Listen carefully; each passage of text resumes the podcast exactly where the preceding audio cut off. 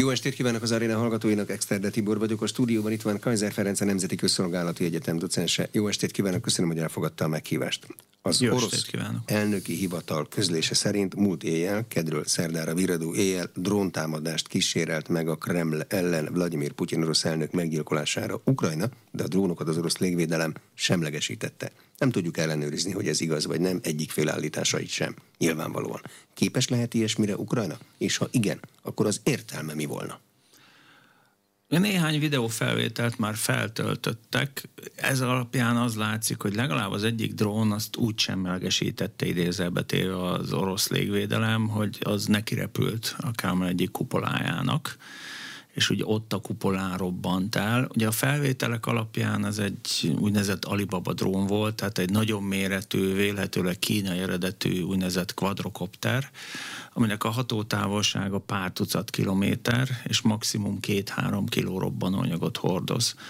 Na most azok a részek, ahol Putyin lakik, ahol neki a dolgozó szobája van, azok egy féltonnás bombateli találatot is túl kell, hogy éljenek. Tehát ezzel az eszközzel abszolút lehetetlenség lett volna. Egyes nyugati elemzők azt mondták, hogy kb. akkor tudták volna ilyennel megölni Putyint, ha neki repül az eszköz. Értelme nem sok, tehát ugye a legtöbb elemzés azt mondja, hogy ez vélhetőleg egy úgynevezett hamizászlós művelet volt, tehát maguk az oroszok követték el, hogy ezzel megindokoljanak valamilyen következő lépést. Tehát vagy az, hogy megint mozgósítanak, erre az arcátlan úgymond terrortámadásra válaszként elrendelnek egy újabb mozgósítású hullámot. Kell is az ember, hiszen óriásiak az orosz veszteségek vagy pedig ugye, hogy szintet lépnek, és újabb elemeit kezdik lőni az ukrán kritikus infrastruktúrának. Tehát kiterjesztik az ukrán közművek elleni támadásokat. Nem tudjuk, de az egész biztos, hogy ezzel vélhetőleg az elemzők nagy része szerint az oroszok egy következő politikai vagy katonai lépés készítettek elő ezzel a úgymond saját maguk ellen elkövetett támadással. De a Kreml kupoláját eh, megsérteni Moszkva szívében, az nem túl magasra emeli a tétet? Tehát ezek után még, még milyen műveletet lehet ott végrehajtani? Én nem tartom túl valószínűleg, hogy ezek az ukránok lettek volna, hogy eleve... De az oroszok részéről? Hát valamivel ugye szokták volt mondani, hogy például az ukrán elektromos energia rendszerelni támadást azt a Krímbe a vezető hídnak, ugye a Krímet és a, a Kercsi félszigetről a Taman félszigetre vezető hidat robbantották fel valakik. Ugye ott is nagyon komoly kérdések vannak, hogy azok tényleg az ukránok lettek volna, más nem mondjak a csecsen diktátor Kadirov ellen nyomozó bíró véletlen az egyik halálos áldozat volt. Pont arra járt pont akkor, amikor felrobbant az a bomba. Nem tudjuk, és ugye ezt követően jött az, hogy az oroszok tétet emeltek, és elkezdték válogatás nélkül támadni az ukrán elektromos energiarendszert.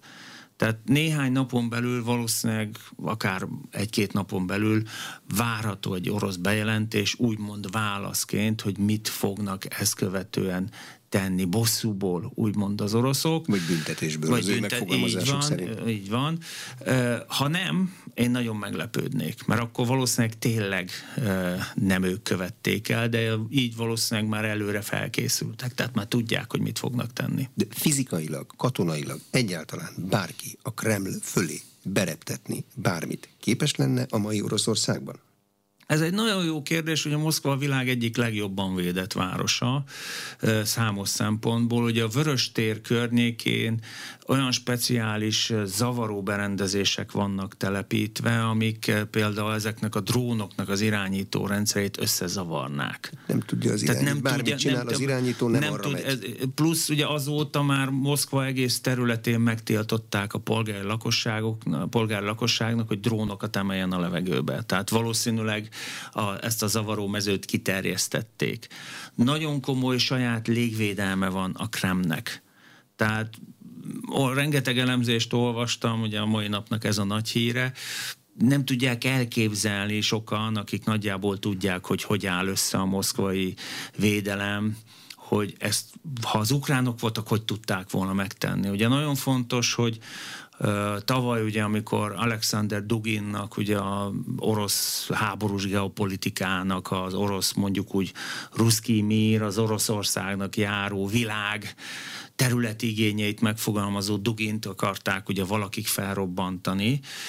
Végül is ugye átengedte a kocsiját a lányának, így a lánya vált a merénylet áldozatává. Azóta az orosz elhárítás mindenféle ukrajnai kötődésű emberre hatványozottan figyel. Tehát azóta a merénylet óta borzasztó nehéz még egyszer ezt megismételni, ráadásul ez, ez egy sokkal komolyabb, ugye két nagyméretű a civil lakosság által nem túl nagy mennyiségben vásárolt, mert legalább 10 ezer dollárba kerül, hogy azért nevezik Alibaba drónnak, mert az Alibabán ez megrendelhető.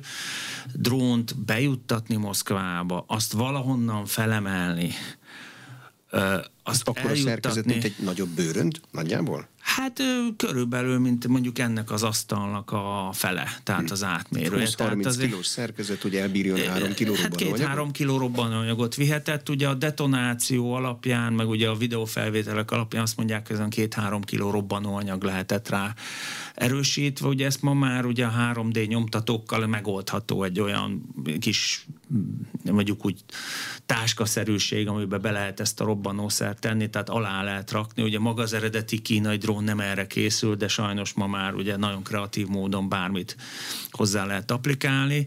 Tehát ezt egy külső hatalomnak pláne Ukrajnának ezt szinte lehetetlen lenne megcsinálni. Hm. Ami viszont biztos megtörtént, és komoly károkat okozott, ez a Kercsi híd közelében az orosz üzemanyag raktárt ért támadás. Ez jól látszik, hogy ez nagyon ég. Ez egy érzékeny veszteség Oroszországnak?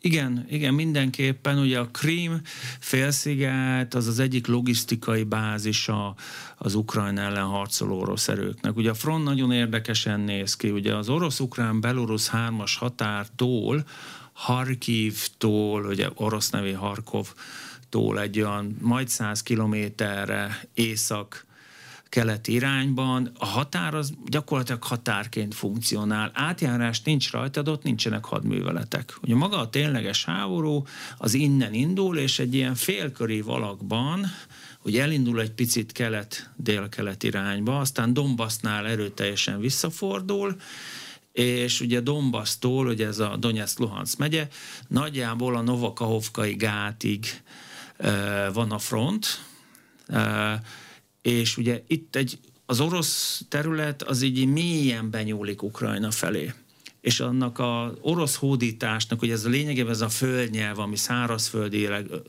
összeköti szárazföldön a Krímet az Oroszországi Föderációval, ugye 14 előtt ez csak a ugye, bocsánat, később épült meg, de ugye 22 előtt a Kercsi híd volt.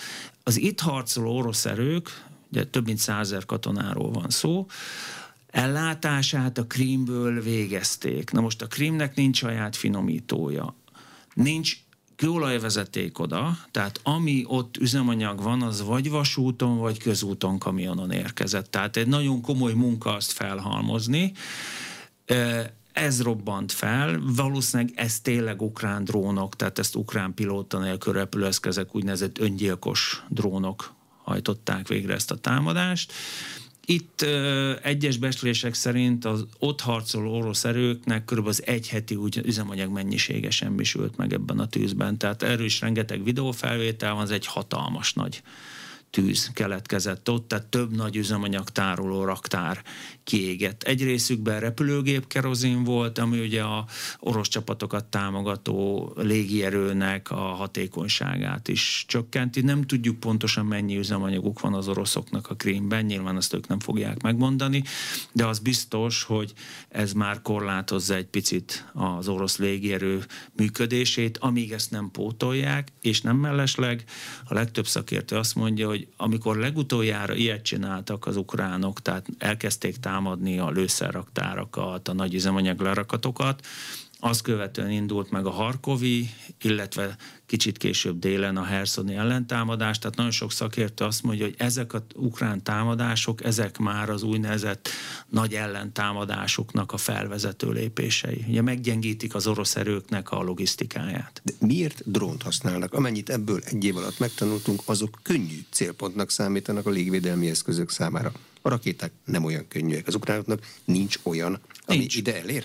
Nincs. Ugye a, a legnagyobb hatótávolságú eszközeik az ukránoknak az elavult tocska rakéták voltak, azoknak a nagy részét már ellövő, azok nagyjából olyan 150-160 kilométeres lőtávolsággal rendelkeztek, azokkal sem érnék el egyébként ezt a részét a Krimnek, de azokat a háború első időszakában ellőtték. Ugye a nyugati országok, főleg az Egyesült Államok nem szállít olyan eszközöket az ukránoknak, amiknek a lőtávolsága meghaladja a 150 kilométert. A legnagyobb mennyiségben használt, nagy hatótávol, hát relatíve a tábori tüzérségben mérve nagyobb hatótávolságú eszközök, azok a HIMARS rakéták, azok nagyjából a 85-90 kilométeres lőtávolsággal rendelkeznek, viszont mivel ezeket nem viszik értelmszerűen a frontvonalba, legalább 15-20 kilométerrel a frontvonal mögül indítják, tehát effektív az orosz vonalak mögé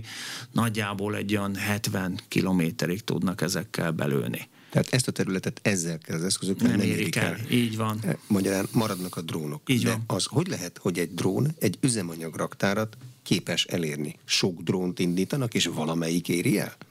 Hogy nem képesek lelőni? Hát tudják, hogy az egy védendő terület, üzemanyag, a lényeg a háborúban. Igen, de a hatalmas területet kell védeni, és ugye itt is nagyon sokféle eszközt használnak a, az ukránok is, ugye ők is vesznek még nagyobb kínai drónokat, valószínűleg többet indítottak, ugye több támadást, egyébként Szevasztopoli kikötőt is támadták távirányítású hajókkal, tehát ugye egy kvázi öngyilkos hajókkal, de nyilván ember nem volt bennük, tehát vélhetőleg több eszközt indítottak, és ugye az üzemanyag raktáraknál van egy olyan csodálatos tulajdonsága, hogy csak egy helyen kell jól találni, és akkor onnantól kezdve a másodlagos detonációk azt az egész raktárat elérhetik. Tehát ha egy nagy tartályt eltalálunk, akkor jó eséllyel ugye az összes többi is előbb-utóbb megsérül és be fog robbanni vasúti sineket is robbantanak Igen. az Oroszországgal határos úgynevezett Brianski területen. Hmm. Ez fontos vasúti vonal?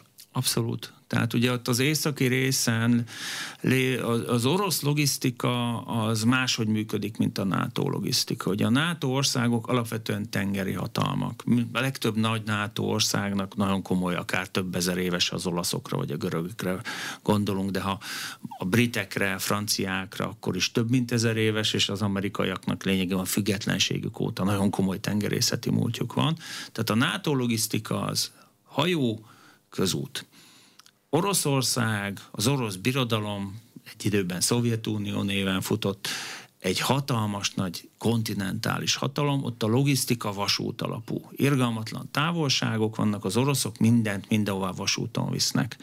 Az orosz erők ellátásában óriási fontossága van a vasútnak, és ezeknek a vasútvonalaknak a szabotálása, vagy a pont a Branszki régióban a futó vasútvonalak nagyon komoly szerepe van a Harkov, Harkiv ukránul környéki harcoló orosz erők ellátásában. Ez csak néhány napra megakasztják, az azt fog jelenteni, hogy akadozni fog a lőszer utánpótlás, akadozni fog az üzemanyagellátás, ad abszurdum az élelmiszerellátás is, és egy picit ugye stresszelik az orosz erőket, nagyobb erőt kell lekötni a mögöttes területek védelmére, ez részben tehermentesíti a Bakmut környéki ukrán védőket, részben ugye kevesebb emberrel kell számolni az esetleges ukrán ellentámadásnál. Vasútvonalak nem védhetők észszerűen? Túl hosszúak ahhoz? Persze, hát gondoljunk bele, hogy a második világháborúban a szovjet partizánok egy időt arra kényszerítették a harmadik birodalmat és a szövetségeseit, hogy 200 méterenként géppuskás őrtornyokat építsenek,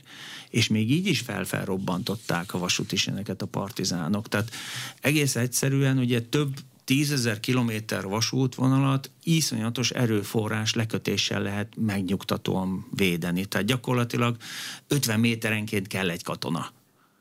Mennyi idő alatt lehet újjáépíteni? Nyilván, ha tudják, hogy sérülékeny a megfelelő technika rendelkezésre hát az áll, orosz lerakják. haderőben van olyan, hogy vasúti építő csapatok, tehát 50 ezer kifejezetten erre kiképzett szakember áll rendelkezésre, ez nagyjából egy hat testnyi mennyiség, tehát 50 ezer ember, akinek az a dolga, hogy a vasútvonalat építsen, és sérült vasútvonalat újítson fel, állítson helyre. Tehát az oroszok erre abszolút fel vannak készülve, de ugye délen ugyanez a helyzet, arról kevesebb információ van.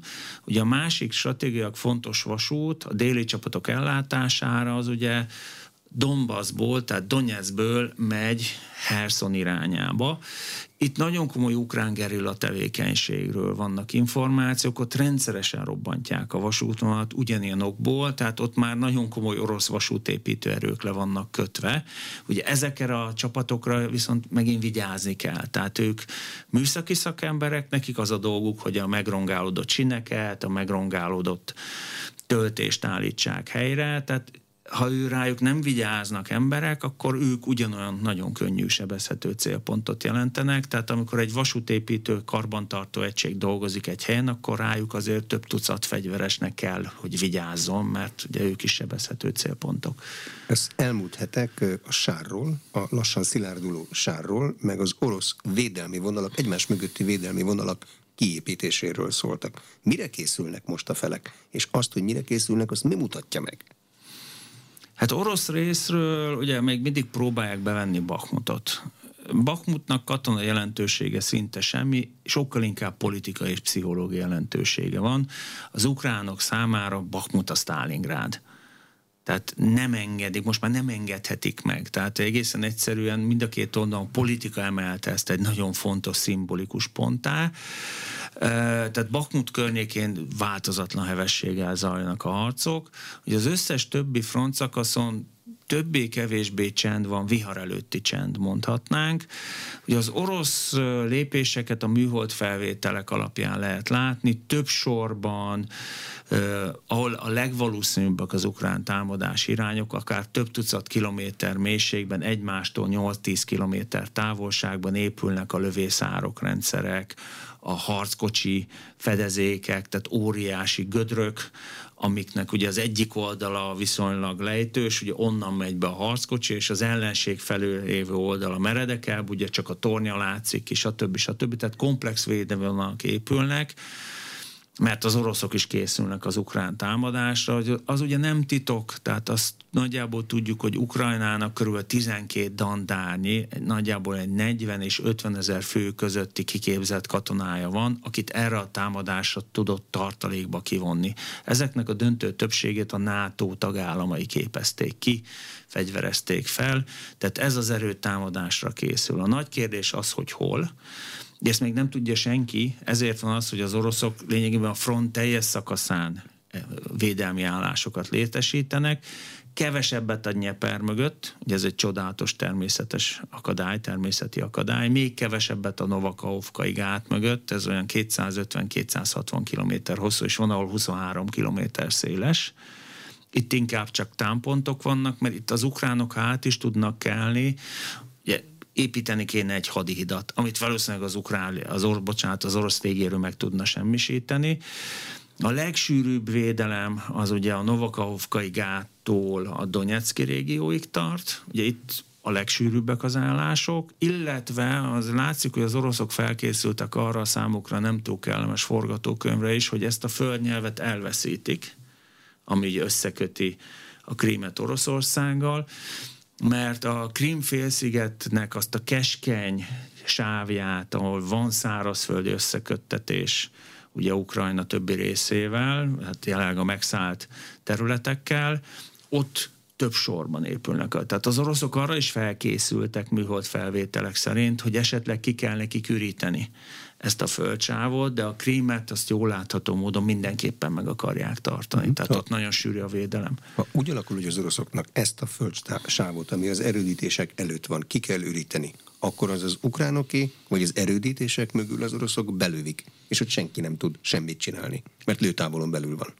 Hát ugye az oroszok folyamatosan lövik például Herszont De ugye itt az a lényeg, hogyha az ukrán erők ott nyilván ha az birtokba veszik, akkor borzasztó nehéz lesz a krímet egyfelől ellátni, hiszen a két vasútvonal közül, ami a krímbe bemegy, csak az marad, ami ugye Oroszországból, ugye a Krímbe az Azovi tengeren keresztül megy, tehát ugye azt a hidat már egyszer robbantották, nem a vasúti elemet, hanem ugye van egy kétszer kétsávos közúti rész, meg van egy vasúti híd, az egyik közúti hidat robbantották fel a kétszer két sáv között az egyiket, azt már rég helyre állították az oroszok, és ami ennél is fontosabb, hogy előrébb tudják vinni az ukránok a saját tüzérségi eszközeiket, például a HIMARS-okat, ugye ezeket a rakétasorozatvetőket, és ezzel innen már a krím nagy részét be tudják lőni az ukrán tüzérek, hagyományos tüzérségi eszközökkel, illetve rakétasorozatvetőkkel. Tehát ugye ez borzasztóan megnehezíteni az oroszoknak a krím megtartását. Nem azt mondom, hogy lehetetlenné tenni, de nagyon komoly veszteségeket tudnának okozni az oroszoknak, az ukránok, de ez egyelőre teoretikus, mert nagyon kevesen gondolják azt, hogy az ukránoknak tényleg reális esélyük van arra, hogy ezt az egész földsávot elfoglalják a jelenlegi erőviszonyok tükrében, plusz azt lát, hogy milyen komoly védelmi előkészületeket tettek az oroszok. Egy ideig a Bakmuti állóháborúról szóltak a hírek. Közben mind a két fél erőt gyűjtött? Így van. És megpróbál most ebből a felhalmozott erőből valami műveletet végrehajtani? Ez történik? Így van, tehát ugye az ukrán részre azért is volt tulajdonképpen nagyjából egy jó döntés, ugye a katonák kevésbé támogatták, ugye itt a hadszintér parancsnokot, vagy a régiónak a parancsnokát le kellett váltani az Zelenszkinek, mert mindenképpen ki akarta vonni a csapatait. Hát ő azt mondta, hogy jobban lenne védhető, hogyha kivonulnának és a magaslatokról. Igen, mert ugye Bakmut mögött van Csaszívjár, egy dombon, előtte van egy ilyen mély horhosokkal szabda a terep, tehát a sokkal könnyebb lenne tartani. Viszont ugye Bakmut irgalmatlan orosz erőket kötött le. Ugye lényegében a Wagner csoportnak a börtönökből toborzott több tízezres állománya az Bakhmutnál kivérzett. Tehát Bakhmut nagyon komoly orosz gyalogságot kötött le, és az orosz tüzérség jelentős részét, ami lehetővé tette azt, hogy Ukrajna más frontszakaszokon pihentesse az erőt, sőt, bizonyos erőket ki tudjon vonni a frontról kiképzésre, felkészíteni a nagy támadásra. Tehát Bakhmutnak ukrán részről vélhetőleg ez volt az értelme, Ugyanakkor azt is látni kell, hogy maguk az oroszok is elkezdtek felkészülni ugye a nagy ukrán támadásra. Nem is egyszer, kétszer az ukránok meglepték őket. Ugye még 22. szeptemberében fent északon Harkiv környékén, ugye nagyjából bő egy hét alatt 8000 négyzetkilométerről üldözték ki az orosz erőket, összeomlott az orosz arcvonal, tehát több száz nehéz haditechnikai eszköz zsákmányoltak használható állapotban az ukránok, és ezt követően ugye Hersonnál már kevésbé ott maguk az oroszok vonultak ki, mert látták, hogy nem tudják ellátni. Ugye a három hidat, ami az ottani hídfőben lévő erőket ellátta, azt az amerikai HIMARS-okkal, ezekkel a precíziós irányított rakétákkal lényegében rostává lőtték az ukránok. Tehát itt ez egy menedzselt kivonulás volt, a nehéz technika egy részét is ki tudták vonni az oroszok. Azóta nem nagyon mozdult a front. És ugye az oroszok is tanulnak. Tehát még egy akkora siker, olyan könnyű győzelem nem valószínű, mint amit 22. szeptemberében vagy novemberében arattak az ukránok, mert az oroszok azért már tanultak a hibáikból. Az látszik most, hogy a két fél egy év múlva hol akar tartani?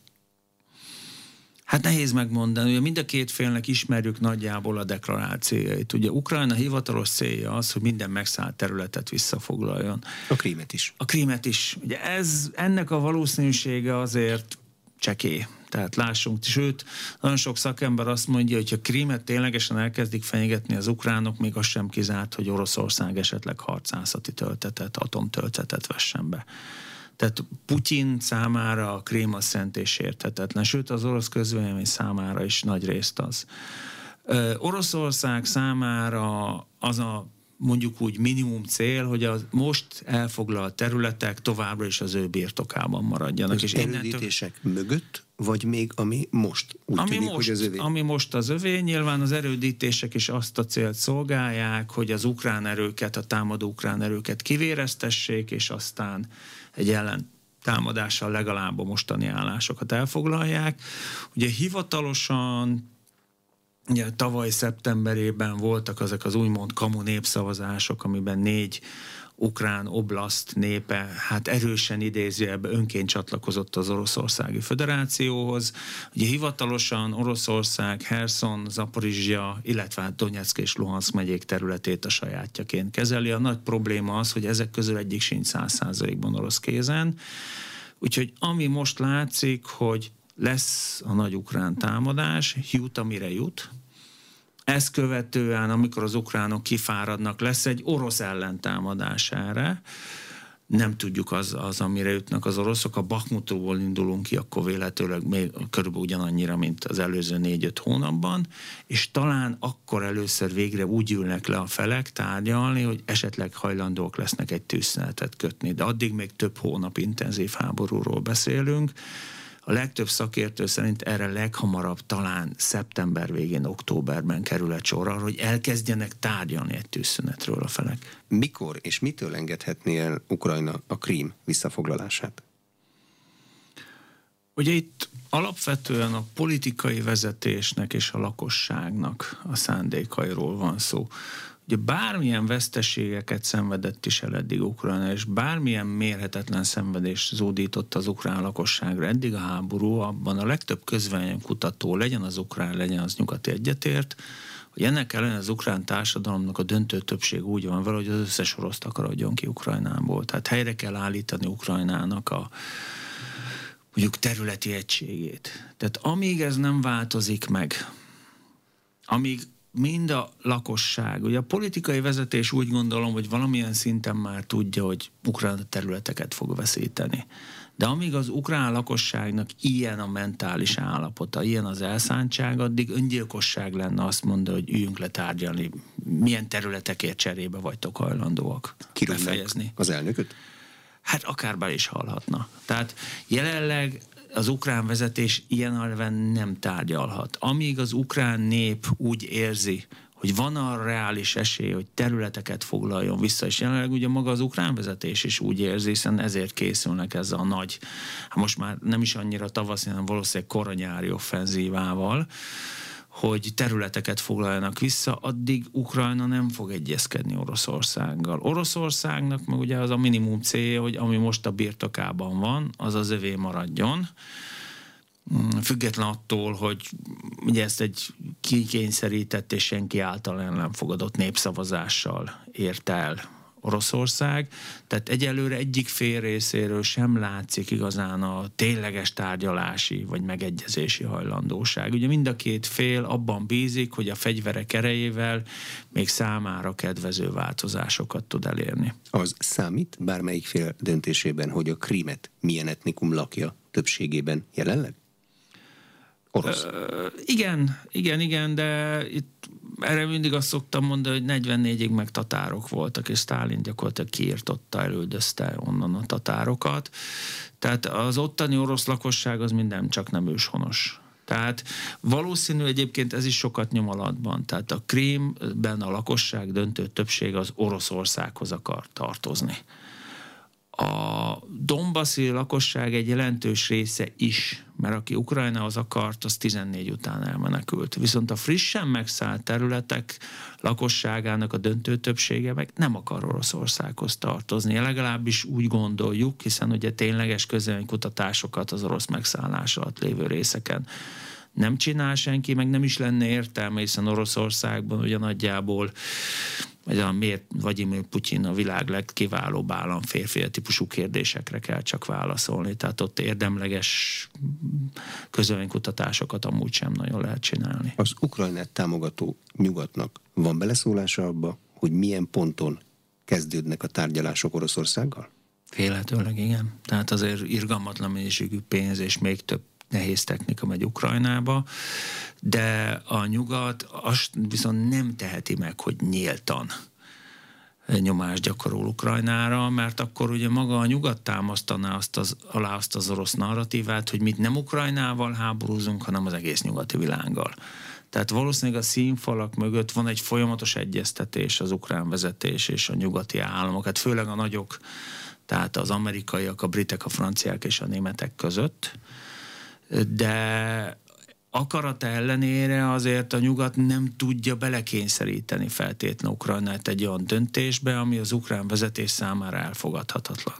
Az látszik-e, hogy ha meg lesz egy fegyverszünet, majd utána valamilyen béke, akkor az milyen típusú béke lesz? Béke nem lesz. Az már most látszik. Tehát Akkor ami, mi lesz?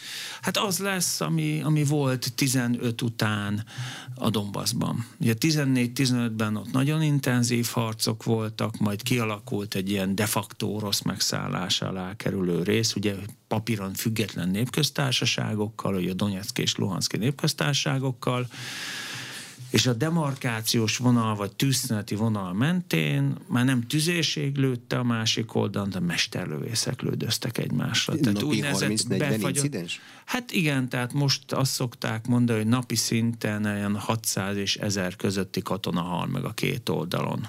Azt szokták, tehát a legtöbb becslés arra, nagyjából arra vonatkozik, hogy kb. 600 ezer ember hal meg a két oldalon együtt tehát ez maximum ezer.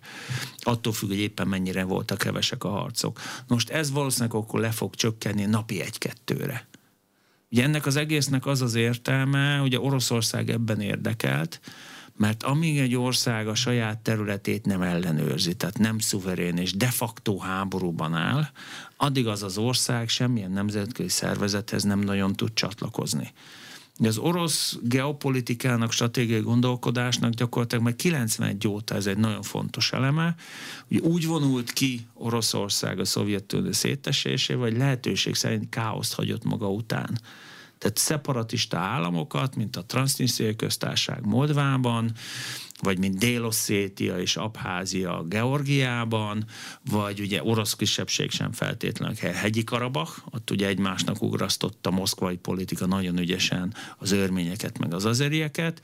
Tehát Moszkvának az az érdeke, hogy ne legyen béke. Ha lenne egy béke, akkor Ukrajnának lehetősége lenne a nyugati világhoz csatlakozni. Moszkva pedig ezt rettenetesen nem akarja, azt pedig látni kell, hogy a mostani háború után az ukrán lakosságnak a 90%-a elkötelezett abba az irányba, hogy Ukrajnának a nyugati világban van a helye. Tehát a kevés orosz barát, vagy hát egyébként nem is voltak annyira kevesen, ugye a 22-es háború előtt is nagyjából a lakosság egyharmada körbe orosz barátnak volt tekinthető, az azóta eltelt most már több mint 14 hónap alatt az oroszok az orosz barátságot maximálisan kiirtották az ukrán lakosságból.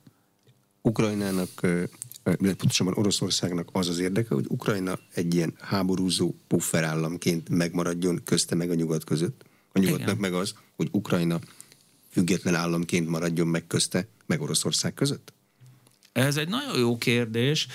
Ö- én úgy gondolom, hogy azt a vörös vonalat a nyugat sem akarja átlépni, hogy Ukrajnát bevegye a NATO-ba. Nagyjából látszik, hogy Oroszország azt nem nagyon akarja uh, hagyni, és az is látszik, hogy ezért ő bármit hajlandó bevetni. Uh, a NATO tagság nem is, de egy nagyon szoros gazdasági együttműködés az EU-val sokkal inkább kinéz. Ugye óriási piacról beszélünk, hatalmas mezőgazdasági termelőterületekről beszélünk, rengeteg ásványi anyagról beszélünk. Ugye Moszkva is részben ezekért indította ezt a területszerző rablóháborút. Tehát Ukrajna egy óriási üzlet. Mind a két oldalról. Tehát itt egy gazdasági befolyásolásról is beszélünk, kezdve azzal, hogy óvatos beslések szerint most már ott tartunk, hogy legalább 500 milliárd dollár lesz újjáépíteni Ukrajnát. Azt Oroszország nem tudja megfinanszírozni, Ukrajna valószínűleg tőle nem is fogadná el. A nyugati világ ezt készségesen meg fogja finanszírozni, az ő cégei fogják megcsinálni. Tehát, ha De megvalósul... európai cégek vagy amerikai cégek? Is. Hát nyilván annak hogy ki mennyi arányban szállt bele a történetbe. Tehát nagyon sok amerikai cég lesz, valószínűleg lesznek német cégek, brit cégek, francia cégek, tehát annak arányában, amilyen arányban az adott állam beszállt a háború finanszírozására, szállított fegyvereket, és nem mellesleg, amilyen arányban ő ad pénzt az újjáépítésre. Ha azt mondja, hogy belátható időn belül nem lesz, nem lehet a NATO tagja, miért mondja Stoltenberg NATO főtitkár eh, a NATO csatlakozás lehetőségét? Ez egyrészt a főtitkárról abszolút diplomata módjára fogalmazott, tehát időkeretet nem adott meg. Sőt, úgy fogalmazott, hogy a NATO államok úgy gondolják, hogy Ukrajnának NATO, a NATO-ban van a helye. Nem mindegyik. Nem, mindegyik. Nem gondoljuk úgy. Igen, igen, igen, de, talán még más De ez nem csak Magyarország, valószínűleg azért lenne még egy-két ellenvélemény. Valamit mondania kellett. Tehát ugye nyilván az ukránok valami biztatást szerettek volna hallani.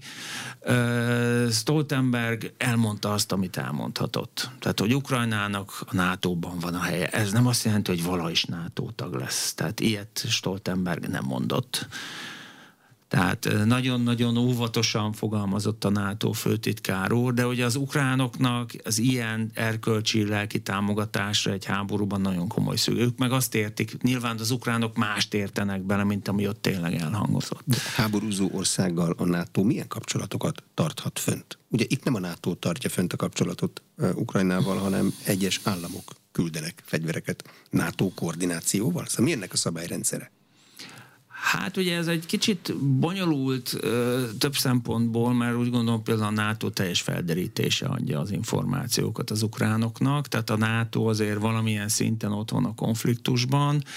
Valóban egyébként maga a NATO, mint NATO nem ad fegyvert. Azt az egyes tagállamok ajánlják fel. Ugye vannak olyan tagállamok, akik semmilyen fegyvert nem ajánlanak fel, még lőszert sem. Tehát ezért is fontos, hogy mivel egyes tagállamok ebben nincsenek benne, ezt ők nem eh, hagyják jóvá, ezért maga a NATO ezt nem is teszi meg.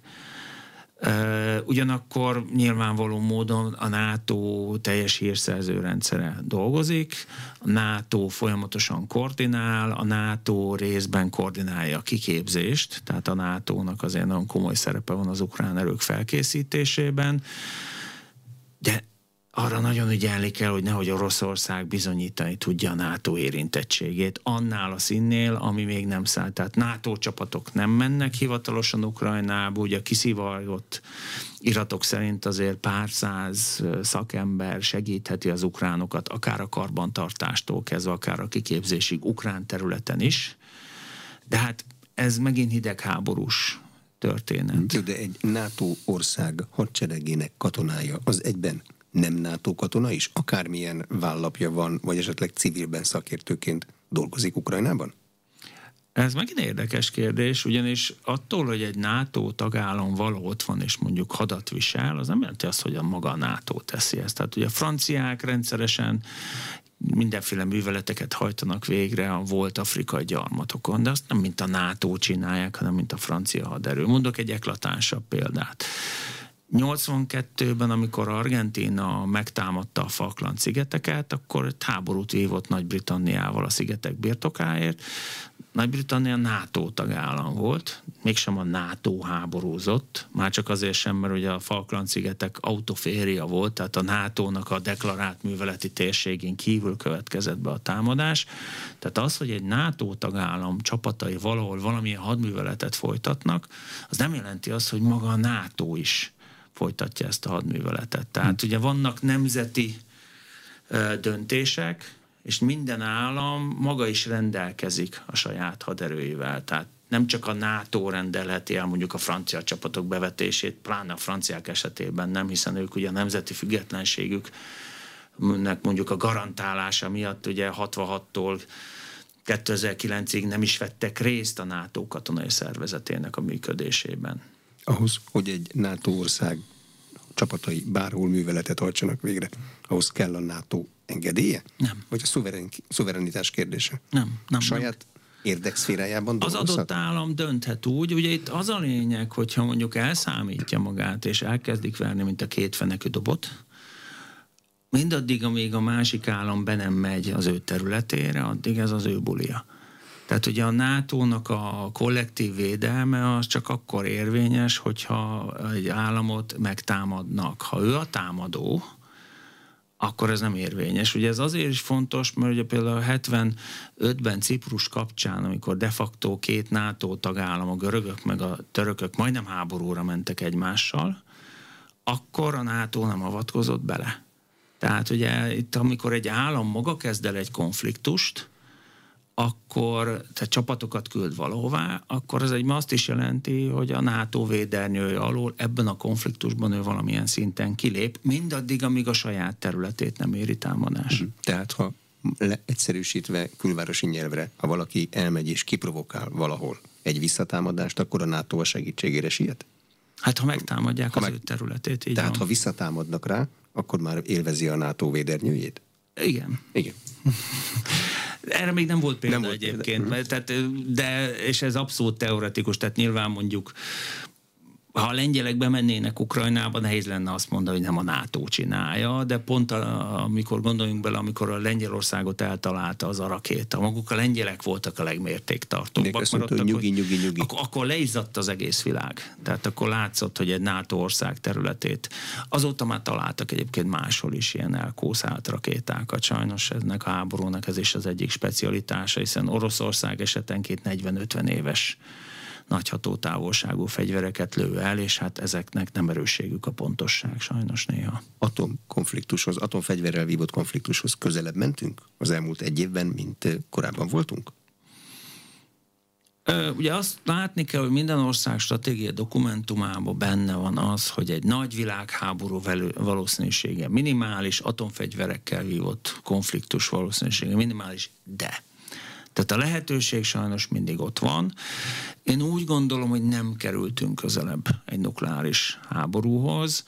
Ez egy korlátozott célú helyi háború, amit egyébként az is jól mutat, hogy Oroszország messze nem az összes erejét veti be. Ukrajna esetében ez értelmszerűen nem áll fenn, hiszen Ukrajna a túlélésért harcol, Ukrajna mindent bevet. Nagyon fontos, hogy a NATO persze nagyon komoly támogatást nyújt Ukrajnának, ugye egyes beszélések szerint 60-70 milliárd dollárnyi, de ha a NATO országoknak a tavalyében összeadjuk a védelmi költségvetését, az nagyjából olyan 1200 milliárd dollár volt. Tehát tízszerese, több, mint a tízszerese? Hát mm, inkább a húszszorosa annak az összegnek, ami Ukrajnának ment. Tehát a NATO is egy minimális szinten igyekszik tartani ezt a konfliktust. Tehát nagyjából abban széleskörű egyetértés van, hogy ezt a konfliktust meg kell tartani Ukrajna határain belül. Ezt maguk az ukránok is így gondolják, hiszen ugye nem törtek be orosz területre, nem támadták meg csapataikkal az Oroszországi Föderáció területét. A lehetőség meg lenne rá, tehát nagyon sok helyen a választón a két fél között az a orosz-ukrán határ. Tehát az ukránok akár be is törhetnének orosz területre, csak pontosan tudják, hogy ebben az esetben Putyinnak lehetősége lenne azt mondani, hogy engem itt megtámadtak, és akkor elrendelem az általános mozgósítást. Miért nem veti be Oroszország minden rendelkezésre álló erejét? Nem érdeke, vagy nem tudja, hogy valami harmadik oka van? Ez egy nagyon jó kérdés. Ugye egyfelől már blama lenne. Tehát ugye kezdve azzal, hogy ez egy különleges katonai művelet a mai napig. Különleges katonai műveletben nem vethetek, nem rendelhetek el általános mozgósítást. Plusz ugye Ukrajna a túlélési harcol, Oroszországnak meg mindenhol máshol is vannak érdekei. Tehát meg kell védeni a karéliai félszigetet, ugye ott van most Finnország nemrég belépett a NATO-ba, ott vannak az északi sarki érdekeltsége Oroszországnak, ott a távol-kelet. Tehát Oroszország 17 millió négyzetkilométer, meg pár százer négyzetkilométer apró, mindenhol kell lenni katonai erőinek. Tehát Oroszország nem vethet be mindent. Oroszországnak erői vannak, támogatják Haftar tábornok lázadóit Líbiában, Wagneresek, oroszok védik, Mandóró elnököt Venezuelában, Maliban ott vannak az orosz csapatok, tehát Oroszország globális hatalom, nem olyan szinten, mint az USA, de Oroszországnak is rengeteg globális érdeke van, az is erőket köt le. Tehát nem áldozhat be mindent. Ha ezekről a területekről kivonna az erőt, vagy nem tudná fenntartani, nem tudná őket ellátni, akkor lenne olyan, aki belépne a hatalmi vákumba. Részben az USA, de Afrika nagy részén, meg Közép-Ázsiában, meg Kína. Tehát Kína egyfelől hasznos szövetséges Oroszországra nézve, de másfelől meg egy borzasztó nagy veszély az orosz befolyási szférára. Miért nem mozgósít elektronikus mozgósítási rendszerről jöttek hírek, ami innen olvasva annyit jelent, hogy most már mindenkit látnak, és ha valaki el akar menni, akkor nem engedik el. De ez még nem az a klasszikus mozgósítás, hogy behívok mindenkit, akit lehet. Igen, de itt az, az is benne van, gondoljon bele, hogy a két millió embert behívok, akkor a gazdaság is meg fogja érezni munkahelyekről hívom de be. Persze, tehát akkor az embereket ki kell vonni a munkahely, a bányászokat, az autógyárakból, a hadi, az hadüzemgyárakból, amik ugye most csúcson pörögnek, hiszen egy irgalmatlan veszteséget kell folyamatosan pótolni. Tehát az orosz gazdaság sem biztos, hogy bírna. Ugye Ukrajnának nincsenek ilyen problémái, mert Ukrajna nyugati pénzügyi segítség nélkül már rég összeomlott volna. Tehát Ukrajna mögött ott van 40 ezer milliárd dollárnyi GDP, a nyugati világ akinek az a, mit tudom, heti néhány milliárd, amivel Ukrajnát életben tartják gazdaságilag, apró pénz. Oroszországot senki nem támogatja, így Kína nem fog gyakorlatilag puszta jószívűségből mondjuk heti szinten 10-20 milliárd dollárnyi hitelt vagy pénzt odadni az oroszoknak, hogy vont ki az összes hadrafogható férfit a gazdaságodból. Tehát az orosz gazdaság nem feltétlenül élné túl tehát Jó, de az orosz gazdaságról már a háború első napjaiban is azt mondták sokan, hogy ezt nem fogja túlélni. Ahhoz képest eléggé túléli. E, igen, de megint nem tudjuk, hogy mennyire. Tehát ugye szokták volt mondani, hogy az orosz GDP csak 4-5 százalékot csökken. De ugye ebben benne van az is, hogy a hadipar teljes kapacitással termel, legyártanak egy T-90-es harckocsit 3 millió dollár értékben, az kimegy a frontra, kilövik. Tehát ugye a hadipar felpörgetésével az orosz gazdaságnak a nemzeti, össz, tehát az orosz nemzeti össztermék nem csökkent annyira, de ugye ennek egy része nem igazán produktív dolog, tehát az megsemmisül a háborúban. Tehát az orosz gazdaság azért már most érzi a háború hatásait. Egyes számítások szerint csak a katonai kiadások 500 millió dollár naponta, az embargó meg egyéb veszteségek meg még 500 millió dollár. Tehát folyamatosan csökken az orosz bevétel, közben nőnek a kiadások. De, de mindezt úgy, hogy egyelőre még azért nem vontuk ki a kritikusan fontos ágazatokból a hat kötelezett férfiakat. Tehát ha elrendelek egy általános mozgósítást, két millió embert kivonnak a gazdaságból, akkor annak nagyon komoly hatásai lesznek, és nem mellesleg úgy, hogy közben Közép-Ázsiában, ugye Kazasztán, Kirgizisztán, Türkmenisztán, Tadzsikisztán esetében ott áll egy ugrásra kész Kína, ami nagyon szívesen átvenni az orosz gazdaság és egyéb pozíciókat. Egy időben a háború első szakaszában az ukrajnai kritikus infrastruktúra támadásai mindennaposak voltak. Azután ezek, mint hogyha megszűntek volna. De most a beszélgetésünk elején említette, hogy lehet, hogy ez újra kezdődik. Ennek mi a ritmusa? Egyfelől az, hogy ezeket az eszközöket programozni kell. Másfelől az, hogy Oroszország nagyon sok rakétát, meg robotrepülőgépet le tud gyártani, csipet nem tud hozzá gyártani, és ezek, ezeket a fajta csipeket Kína is csak nagyon kis mennyiségben tudja gyártani, ez ő sem tud adni. Tehát amit tudunk, hogy nagyon sok eszköz esetében ilyen mindenféle két-három országon keresztül, ilyen fedőcégeken keresztül szerzik be a csippeket, tehát idő, amíg felhalmozódik annyi rakéta, hogy érdemes őket egyszerre elindítani, mert ezeket négyesével, ötösével indítják, akkor az ukrán védelem ezeket valószínűleg megsemmisíti. Tehát egyszerre 40-50-et indítanak, akkor ennek, ennek körülbelül a negyede, ötöde átér, és fontos célpontokat talál el. Tehát fel kell halmozni azon rakétákat, és valószínűleg egyébként valóban az utóbbi időszakban Oroszország elkezdett részben arra tartalékolni, hogy mi, ha megindul az ukrán ellentámadás, akkor elő csapásokat, meg az is lehet, hogy ezt a mostani támadást az oroszok már egy hónapja tudják, hogy meg kell buszolniuk. Milyen hadserege van Finnországnak? Most csatlakozott a NATO-hoz. Nagy tapasztalata van az oroszokkal vívott háborúkban, de azon kívül milyen? Erős. Tehát ugye a finn haderő azzal kezdve, hogy a finn védelmi költségvetés több, mint a duplája a magyarnak. Ugye eleve Finnország az egy gazdagabb ország, erősebb. A GDP gazdaság. arányosan több? Abszolút értékben több. GDP arányosan is több, és abszolút értékben is, tehát több mint 6 milliárd dollár. Ugye mi veszünk, beszerzés alatt van 50 darab Leopard 2 A7 plusz harckocsi, a finneknek 200 darab van. 100 a régebbi A4-esből, amiből ugye 12-t használunk kiképzésre, és 100 a jóval korszerűbb A5-ösből és ezeket folyam, bocsánat, A6-osból az még egy fokkal fejlettebb változat. Nekünk 12 grippenünk van, meg két kétüléses, a finneknek 64 darab F-18-asuk van, és most jelentették be, hogy lecserélik őket 64 darab F-35-ösre, a legkorszerűbb lopakodó vadászbombázóra, amit jelenleg a nemzetközi piacon lehet kapni. Tehát a finn haderő nagyon jól felszerelt, és ami nagyon fontos, borzasztóan motivált. De mitől Tehát... motivált egy olyan ország hadereje, amely a második világháború óta nem kellett, hogy harcoljon senkivel? Igen, de ők folyamatosan félnek az oroszoktól. És a mostani ukrajnai háború az pontosan arra világított rá, hogy Oroszország egy megbízhatatlan szomszéd. Bármilyen kamu okra hivatkozva, bármikor megtámadhat téged. Ugye ez, a, ez vezetett oda, hogy a finn lakosság, ami 17-ben kb. 18-20 százaléka mondta azt, hogy Finnországnak be kell lépni a NATO-ba, és 60 százaléka mondta azt, hogy nem.